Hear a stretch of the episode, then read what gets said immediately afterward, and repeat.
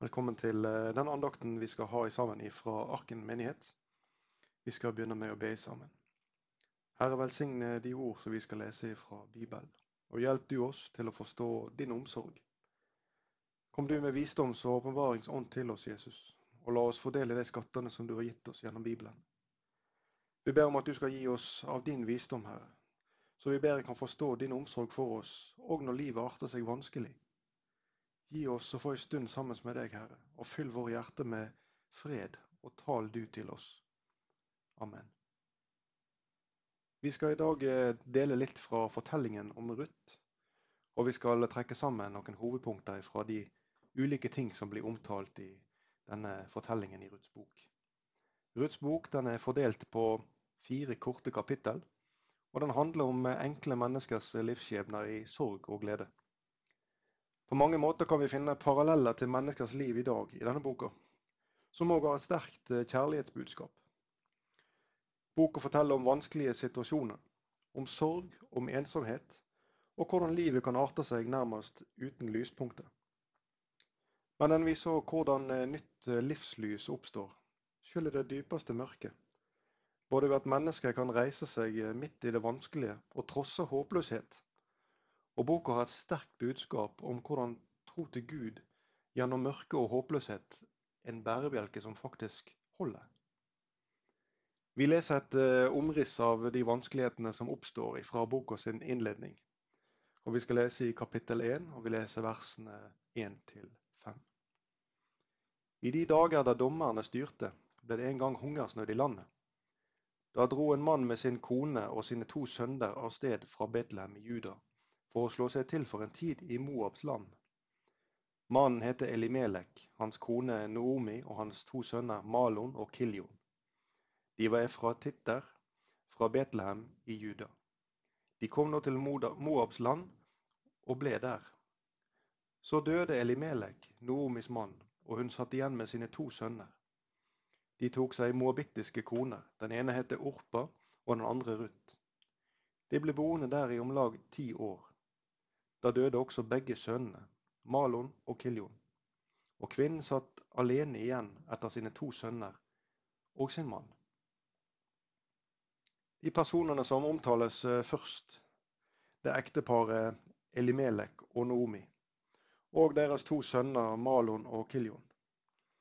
Og Før vi går videre, så har jeg lyst til å si noe om hva disse navnene betyr. Elimelek, det betyr 'min konge er Gud'. Mens Noomi, det betyr ynde. Sønnenes navn det er Malon, som betyr den sykelige, og Kiljon, det betyr den visne. Disse menneskene vi har lest om her, de, fra, de var efraite. Og denne betegnelsen det betyr fruktbar. De bodde i en by som heter Betlehem, og Betlehem det betyr brødhuset. Landet de bodde i, det bar jo navnet Kanan, og det betyr lovprisning. Alle disse navnene de viser at uh, alt lå på en måte til rette for at de kunne leve et godt liv på den plassen de nå var. I det landet som Gud hadde gitt sitt folk, i tråd med det løftet Gud hadde gitt til Israel. Men vi leste altså at uh, Elimelek tok med seg sin familie og dro til Moabs land fordi det var hungersnød i Kanan. Foranledningen til dette var Israels ulydighet ved at de vek av fra å leve etter de forordninger og bud som Herren hadde gitt dem. En kort beskrivelse av denne situasjonen finner vi i, de siste, i det siste verset i boka som kommer før Ruths bok i Gamletestamentet. Og vi leser dette ene verset fra Dommernes bok, kapittel 21 og vers 25. Der leser vi I de dager var det ingen konge i Israel. Hver mann gjorde det som var rett i hans egne øyne. Dommernes bok beskriver frafallet fra Herrens veier, og konsekvensene det gir at mennesket velger sine egne veier og trosser Gud. Ruths bok er fra den samme tidsperiode. Vi leste helt innledningsvis i det første verset fra Ruths bok at i de dager da dommerne styrte, ble det en gang hungersnød i landet.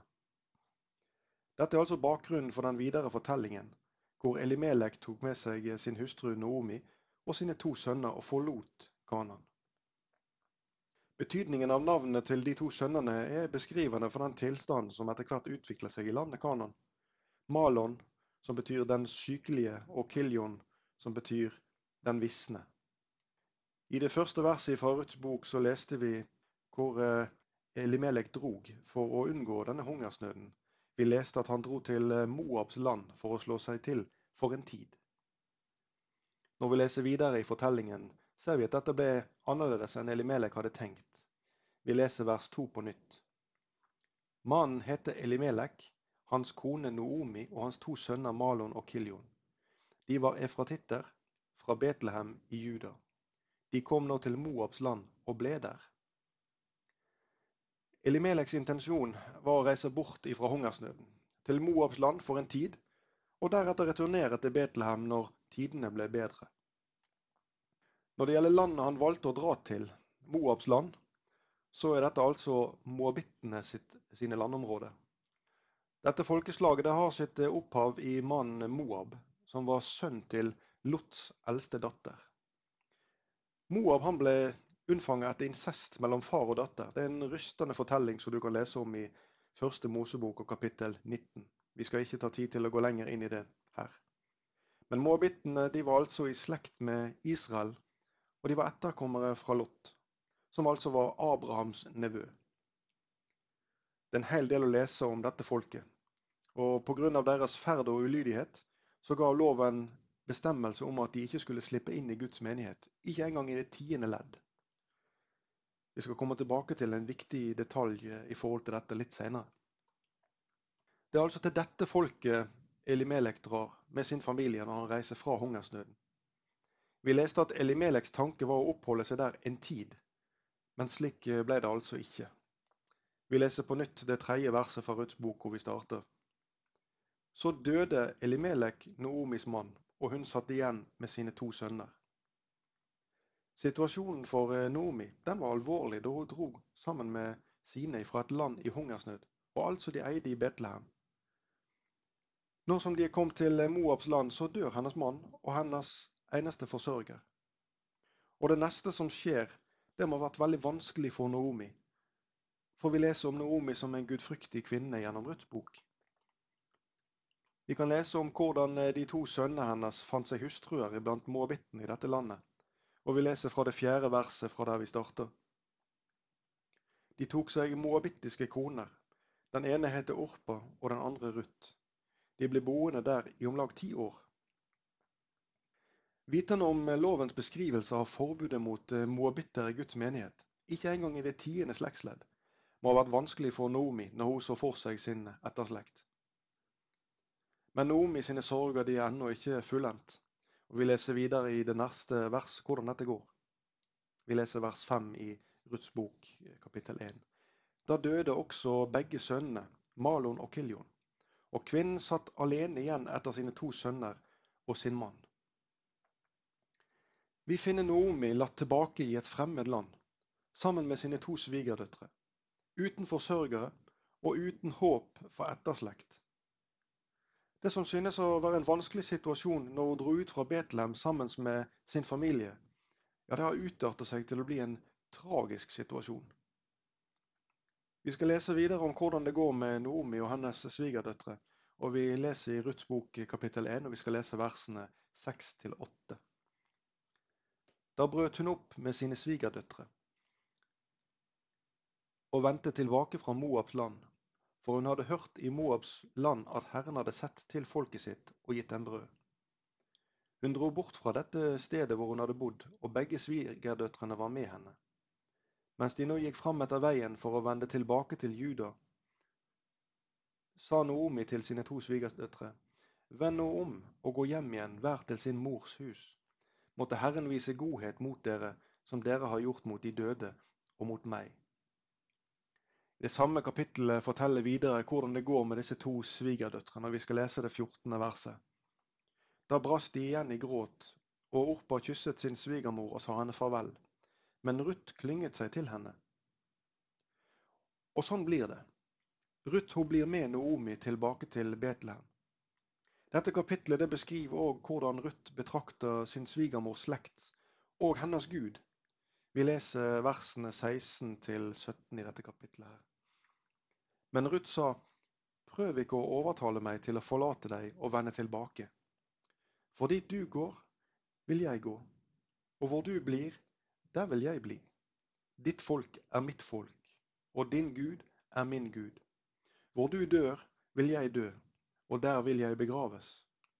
Måtte Herren la det gå meg ille, både nå og senere, om noe annet enn døden skulle skille meg fra deg. Når disse to, Ruth og Naomi, kommer til Betlehem, så blir det kjent at Naomi er tilbake. Og Bibelen beskriver det slik at hele byen kom i bevegelse. Men Naomi sjøl beskriver sin egen situasjon eh, på denne måten i vers 21 i dette kapitlet. Med fulle hender dro jeg bort, men med tomme hender har Herren latt meg vende tilbake. Hvorfor kaller dere meg Noomi, når Herren har ydmyket meg og den allmektige har latt det gå meg ille? Og Vi eh, leste til å begynne med og forklarte at Noomi, navnet Noomi det betyr ynde. Noomi hun går lenger i samtale med dette sitt folk og sier at de bør heller kalle henne Mara, fordi at hun har fått det vanskelig. Når Naomi kom tilbake til Betlehem, så var det i starten av innhøstningen. Vi leser vers 22. Så kom da Naomi tilbake med svigerdatteren sin, moabittkvinnen Ruth. Hun var vendt tilbake fra Moabs land, og de kom til Betlehem i begynnelsen av bygghøsten. Vi kan lese videre fra kapittel 2 om hvordan Ruth drar ut for å sanke aks imellom kornbåndene etter høstfolkene. Ruth vil altså sanke av det som er etterlatt på åkeren, sånn at hun sjøl og hennes svigermor kan ha noe å leve av. Dette henger sammen med en beskrivelse i loven, den loven som Gud gav til Israel ved Sinai. Og Vi skal ta med hva den sier i 3. Mosebok 23 og vers 22. Når dere høster grøden i landet, skal du ikke skjære kornet helt ut til ytterste kant av åkeren. Og de aksene som blir liggende igjen etter innhøstningen, skal du ikke sanke opp. Du skal la dem være igjen til den fattige og den fremmede. Jeg er Herren deres Gud. Når det gjelder livsgrunnlaget for Ruth og hennes svigermor, så har det altså sitt opphov i denne forordningen som Gud har gitt i loven. Når Ruth ber om å sanke på åkeren, er det nettopp dette hun har som utgangspunkt. Vi leser i Ruths bok kapittel 2, eh, og vi leser vers 7. Der sier Ruth, la meg få sanke aks mellom kornbåndene etter høstfolkene. Det er altså ikke en tilværelse i overflod som ligger åpen, verken for Naomi eller Ruth. Og selv om Naomi har berga livet, så er jo hennes tap stort. Nå har det seg slik at Boas han er i slekt med Noomis avdøde ektemann Elimelek. Vi leser vers 3 eh, i det andre kapittelet eh, om Ruth. Så gikk hun av sted, og hun kom og sanket aks på åkeren etter høstfolkene. Nå traff det seg slik at den åkeren hun sanket på, tilhøret Boas, som var av Elimeleks slekt. Denne Boas som eier åkeren som Ruth sanker på, han undersøker hvem denne unge kvinnen er og han får rede på hennes hengivenhet til sin svigermor Naomi, og hvordan Ruth tjener henne. Vi leser kapittel 2, og vi skal lese versene 8-12. Da sa Boas til Ruth, Hør, min datter, gå ikke bort og sank aks på noen annen åker, og gå heller ikke herfra, men hold deg til mine piker her. Se etter hvor høstfolkene arbeider på åkeren, og gå etter dem. Jeg har befalt tjenerne at de ikke skal røre deg. Blir du tørst, så gå bort til krukkene og drikk av det som tjenerne øser opp.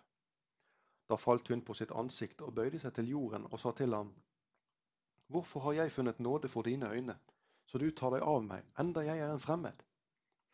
Boas svarte henne, Det er blitt fortalt meg alt hva du har gjort mot din svigermor etter din manns død, hvordan du forlot din far og din mor og ditt fedreland, og dro til et folk som du før ikke kjente. Må Herren gjengjelde deg hva du har gjort. Gi du må få full lønn av Herren, Israels Gud, når du nå har kommet for å søke ly under hans vinger. Boas han tar seg av Ruth mens hun sanker på åkeren. I den videre fortellingen så kan du lese om hvordan han enda befaler sine tjenestefolk å trekke ut aks av sine kornbånd for at Ruth skal kunne plukke de opp, sanke de. Etter en dags arbeid på åkeren så leser vi om hvordan det gikk med Ruth. Vi leser i kapittel 2, og vi skal lese versene 17-18. Så sanket hun aks på åkeren helt til kvelden. Da hun banket ut det hun hadde sanket, var det omkring én efa bygg. Hun tok det og gikk til byen, og hennes svigermor fikk se det hun hadde sanket. Så tok hun fram det hun hadde til overs etter hun hadde spist seg mett, og ga henne det. Vi kan lese om samtalen mellom disse to, Noomi og Ruth, under dette måltidet. Og vi leser videre versene 19-21. Da sa hennes svigermor til henne, Hvor har du sanket i dag, og hvor har du arbeidet? Velsignet være han som tok seg av deg. Og hun fortalte svigermoren sin hvem hun hadde arbeidet hos, og sa, Den mannen jeg har arbeidet hos i dag, heter Boas. Da sa Naomi til svigerdatteren sin, Velsignet være han av Herren, som ikke har tatt sin miskunnhet bort, verken fra de levende eller fra de døde. Og Naomi sa til henne, Den mannen er en nær slektning av oss. Han er en av våre løsere. Da sa Ruth, Måbitkvinnen, han sa også til meg, Hold deg til folkene mine, til de er ferdige med hele min høst. Vi er nå kommet til en del av denne fortellingen hvor det blir klart for Noomi at det er på Boas sin åker at Ruth sanker kornaks til deres livsopphold.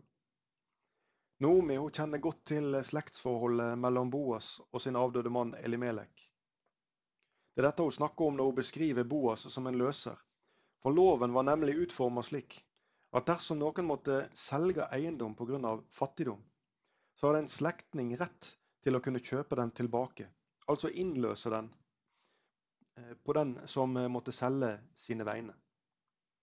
Denne ordningen den leser vi om helt kort fra tredje Mosebok, og vi kan lese i kapittel 25 og versene 24 til 25. I hele det landet dere får til eie, skal dere tillate innløsing av jorden. Når din bror blir fattig og må selge noe av sin jordeiendom, da skal hans løser, hans nærmeste, komme og innløse det som hans bror har solgt. Denne oppdagelsen av Boas det er et vendepunkt for Noomi, som kjenner lovens beskrivelse av en løser. Og det er òg et vendepunkt i fortellingen i Ruths bok. Jeg synes det er vidunderlig å se hvordan de ordninger Gud har lagt til grunn i loven, er det som òg berger Noomi og hennes svigerdatter Ruth. I første omgang er det jo nettopp lovens beskrivelse som gjør at eh, Ruth kan finne kornaks til livsopphold. For Gud visste i sin visdom at dette skulle bli den fattiges redning. Og Gud gjør ikke forskjell mellom fattig og rik i sin omsorg. Dernest så er det altså et pålegg om innløsning av den fattiges eiendom ved den fattiges slekt. Og Vi leser om hvordan Ruth holder seg til Boas. Og vi kan lese om at hun legger seg til å sove ved hans føtter etter at Boas sjøl har lagt seg til å sove. Vi leser om hvordan dette går til i kapittel 3 og versene 7-10. Da Boas hadde ett og drukket og var blitt vel til mote, gikk han og la seg ved kanten av kornhaugen. Da kom hun stille og slo opp teppet ved føttene hans og la seg der. Midt på natten ble mannen oppskremt. Han bøyde seg fram og fikk se at det lå en kvinne ved føttene hans. Han sa, Hvem er du? Hun svarte, Jeg er Ruth, din tjenestepike. Bre teppet ditt utover din tjenestepike, for du er en løser. Da sa han, Velsignet være du av Herren, min datter. Du har nå lagt enda større kjærlighet for dagen enn før, siden du ikke har gått etter de unge mennene, verken de fattige eller de rike. Boas var altså en løser. Men han var bare én av flere gjenlevende slektninger i Elimeleks slekt. Og Boas han var etter det vi leser av Skriften, ikke den nærmeste av disse gjenlevende slektninger. Så han måtte derfor avklare med den som er nærmere han sjøl, eh, at det er i orden at han innløser Elimeleks eiendom. Etter at denne avklaringen eh, er gjort, så blir det slik at det er Boas som innløser eiendommen etter Elimelek. Og Vi leser hvordan dette gikk eh, til i kapittel 4, og vi leser versene 9 10. Da sa Boas til de eldste og hele folket. Dere er i dag vitner på at jeg har kjøpt av Noomi alt det som tilhørte Elimelek, og alt som tilhørte Kiljon og Malon. Også Moabit-kvinnen Ruth, Malons enke, har jeg vunnet meg til kone for å oppreise den avdødes navn på hans arvedel, så den avdødes navn ikke skal bli utryddet blant hans brødre og i hans hjemstedsport. Dere, det er dere vitner på i dag. Vi leser om to viktige ting her. Den ene det gjelder retten og plikten til å innløse eiendommen som Elimelek og hans sønner Kiljon og Malons eh, arvedel. I tillegg til dette så vant Boas ved dette Malons enke, Ruth, til sin hustru. Og gjennom henne kan han oppreise den avdødes navn på hans arvedel. Det er altså Elimeleks etterslekt gjennom hans sønns eh, Malons i enke at dette skjer. Og Før vi skal oppsummere og avslutte denne fortellingen fra Ruths bok, så skal vi lese noen vers eh, i kapittel 4. Vi skal lese versene 13 til 17. Så tok Boas Ruth hjem til seg, og hun ble hans kone. Han gikk inn til henne, og Herren lot henne bli med barn. Hun fødte en sønn. Da sa kvinnene til Noomi, lovet være Herren, som ikke lot deg mangle en løser i dag. Må han få et kjent navn i Israel. Han skal bli din sjels trøster og din alderdoms forsørger. For din svigerdatter som har deg kjær, har født ham, hun som er mer for deg enn sju sønner. Og Naomi tok barnet på fanget, og hun ble hans fostermor. Grannekonene ga han navn og sa, Naomi har fått en sønn. De kalte ham Obed. Han ble far til Isai, Davids far. Vi ser at resultatet av denne innløsningen den dreier seg ikke bare om livsopphold og redning, men den har en sentral historisk verdi, som òg har innpass i Jesu egen slektstavle. Ruths sønn med Boas han får navnet Obed, som senere blir far til Isai, som blir far til David. Og Du finner disse navnene dersom du leser Jesu ettertavle i Lukas kapittel 3. Gjennom denne fortellingen som vi har lest fra Ruths bok, så har vi fått del i en tragedie som utspinner seg i Noomis familie.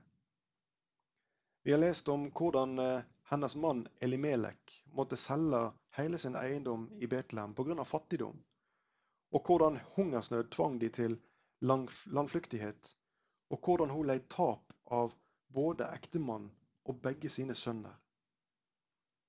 Men mellom alt dette så ser vi en Gud som holdes i hånd over Noomi, og hvordan det hele er en del av Guds veldige plan.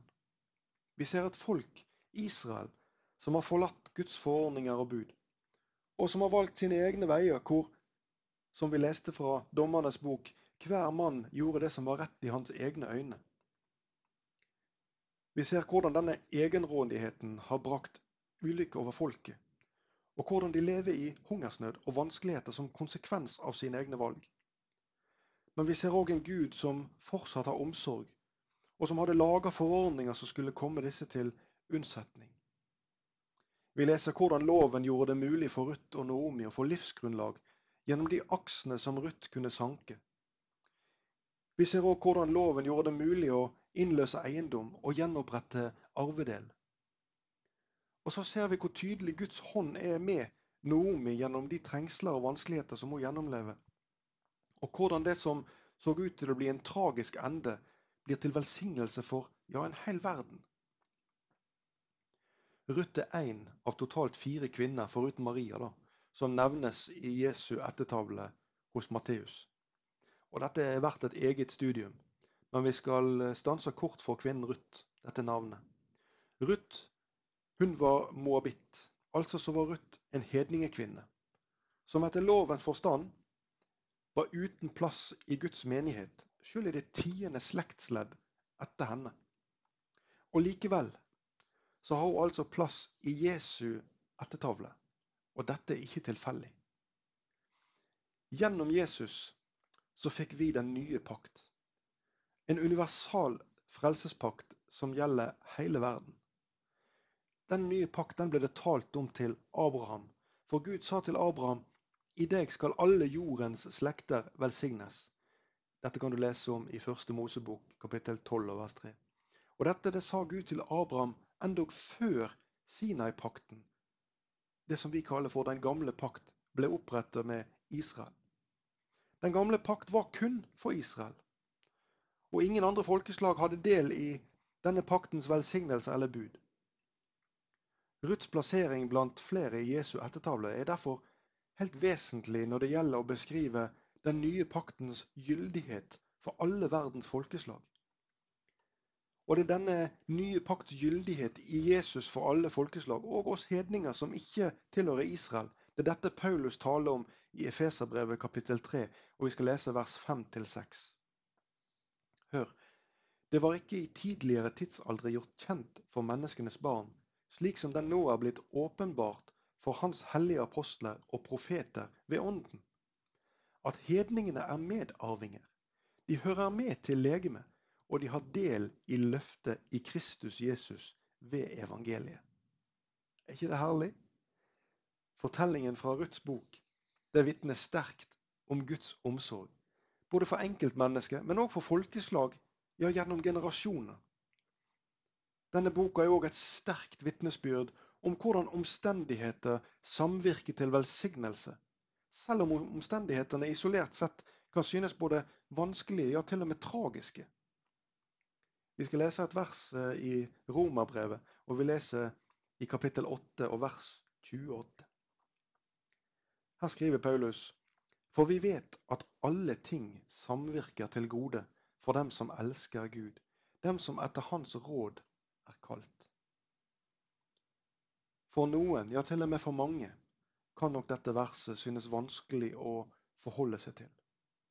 Nettopp fordi både vanskeligheter og tragiske omstendigheter rammer også de som elsker Gud. Men legg merke til hvordan dette verset gjelder i flertall. Det er nemlig ikke slik at alle ting samvirker til for ditt eller til mitt gode, men for dem som gjennom ja, generasjoner elsker Gud. Og dette synes jeg understrekes veldig sterkt gjennom Ruths bok.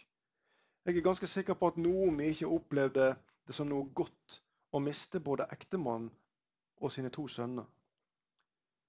Men legg merke til at gjennom hennes personlige tap så ble hennes vei lagt til Betlehem, hvor hennes svigerdatter Ruth fikk møte Boas, og gjennom dette så ble det understreka at òg hedningene har plass, du og jeg har plass i Jesu slekt. Kjære venn, som strever og har det vanskelig. Tro ikke at Herren har glemt deg eller forlatt deg. Herren vil gi deg styrke til å bære både prøvelser og vanskeligheter, og han ønsker å bevare deg på veien. Og han vil sjøl dra omsorg for deg og helt mot slutten så har jeg lyst til å ta med noen ord fra Jobbs bok kapittel 35 og vers 14. Og hør disse, disse ordene. Også når du sier at du ikke ser ham, så ser han nok din sak, og du må vente på ham. Dette kan være vanskelig. Vi er ofte dårlige på dette med å vente. Men la oss be Herren om hjelp til dette. Herre, hjelp oss å være tålmodige og gi oss styrke til å holde ut. Mange ganger, Jesus, så er det vanskelig å forstå dine veier. Og enda vanskeligere så er det Jesus å akseptere det onde som rammer oss. Kjære Gud, gi oss din trøst. Du som er all trøst, Gud. Og gi våre hjerter å elske deg også på dager når livet er vanskelig. Kom du med ditt himmelske lys til oss når vi er i mørket, og oppliv du vår sjel ved ditt livgivende ord. Vi ber for Jesu Kristi skyld. Kom oss i møte, Herre, for vi trenger deg i alle ting.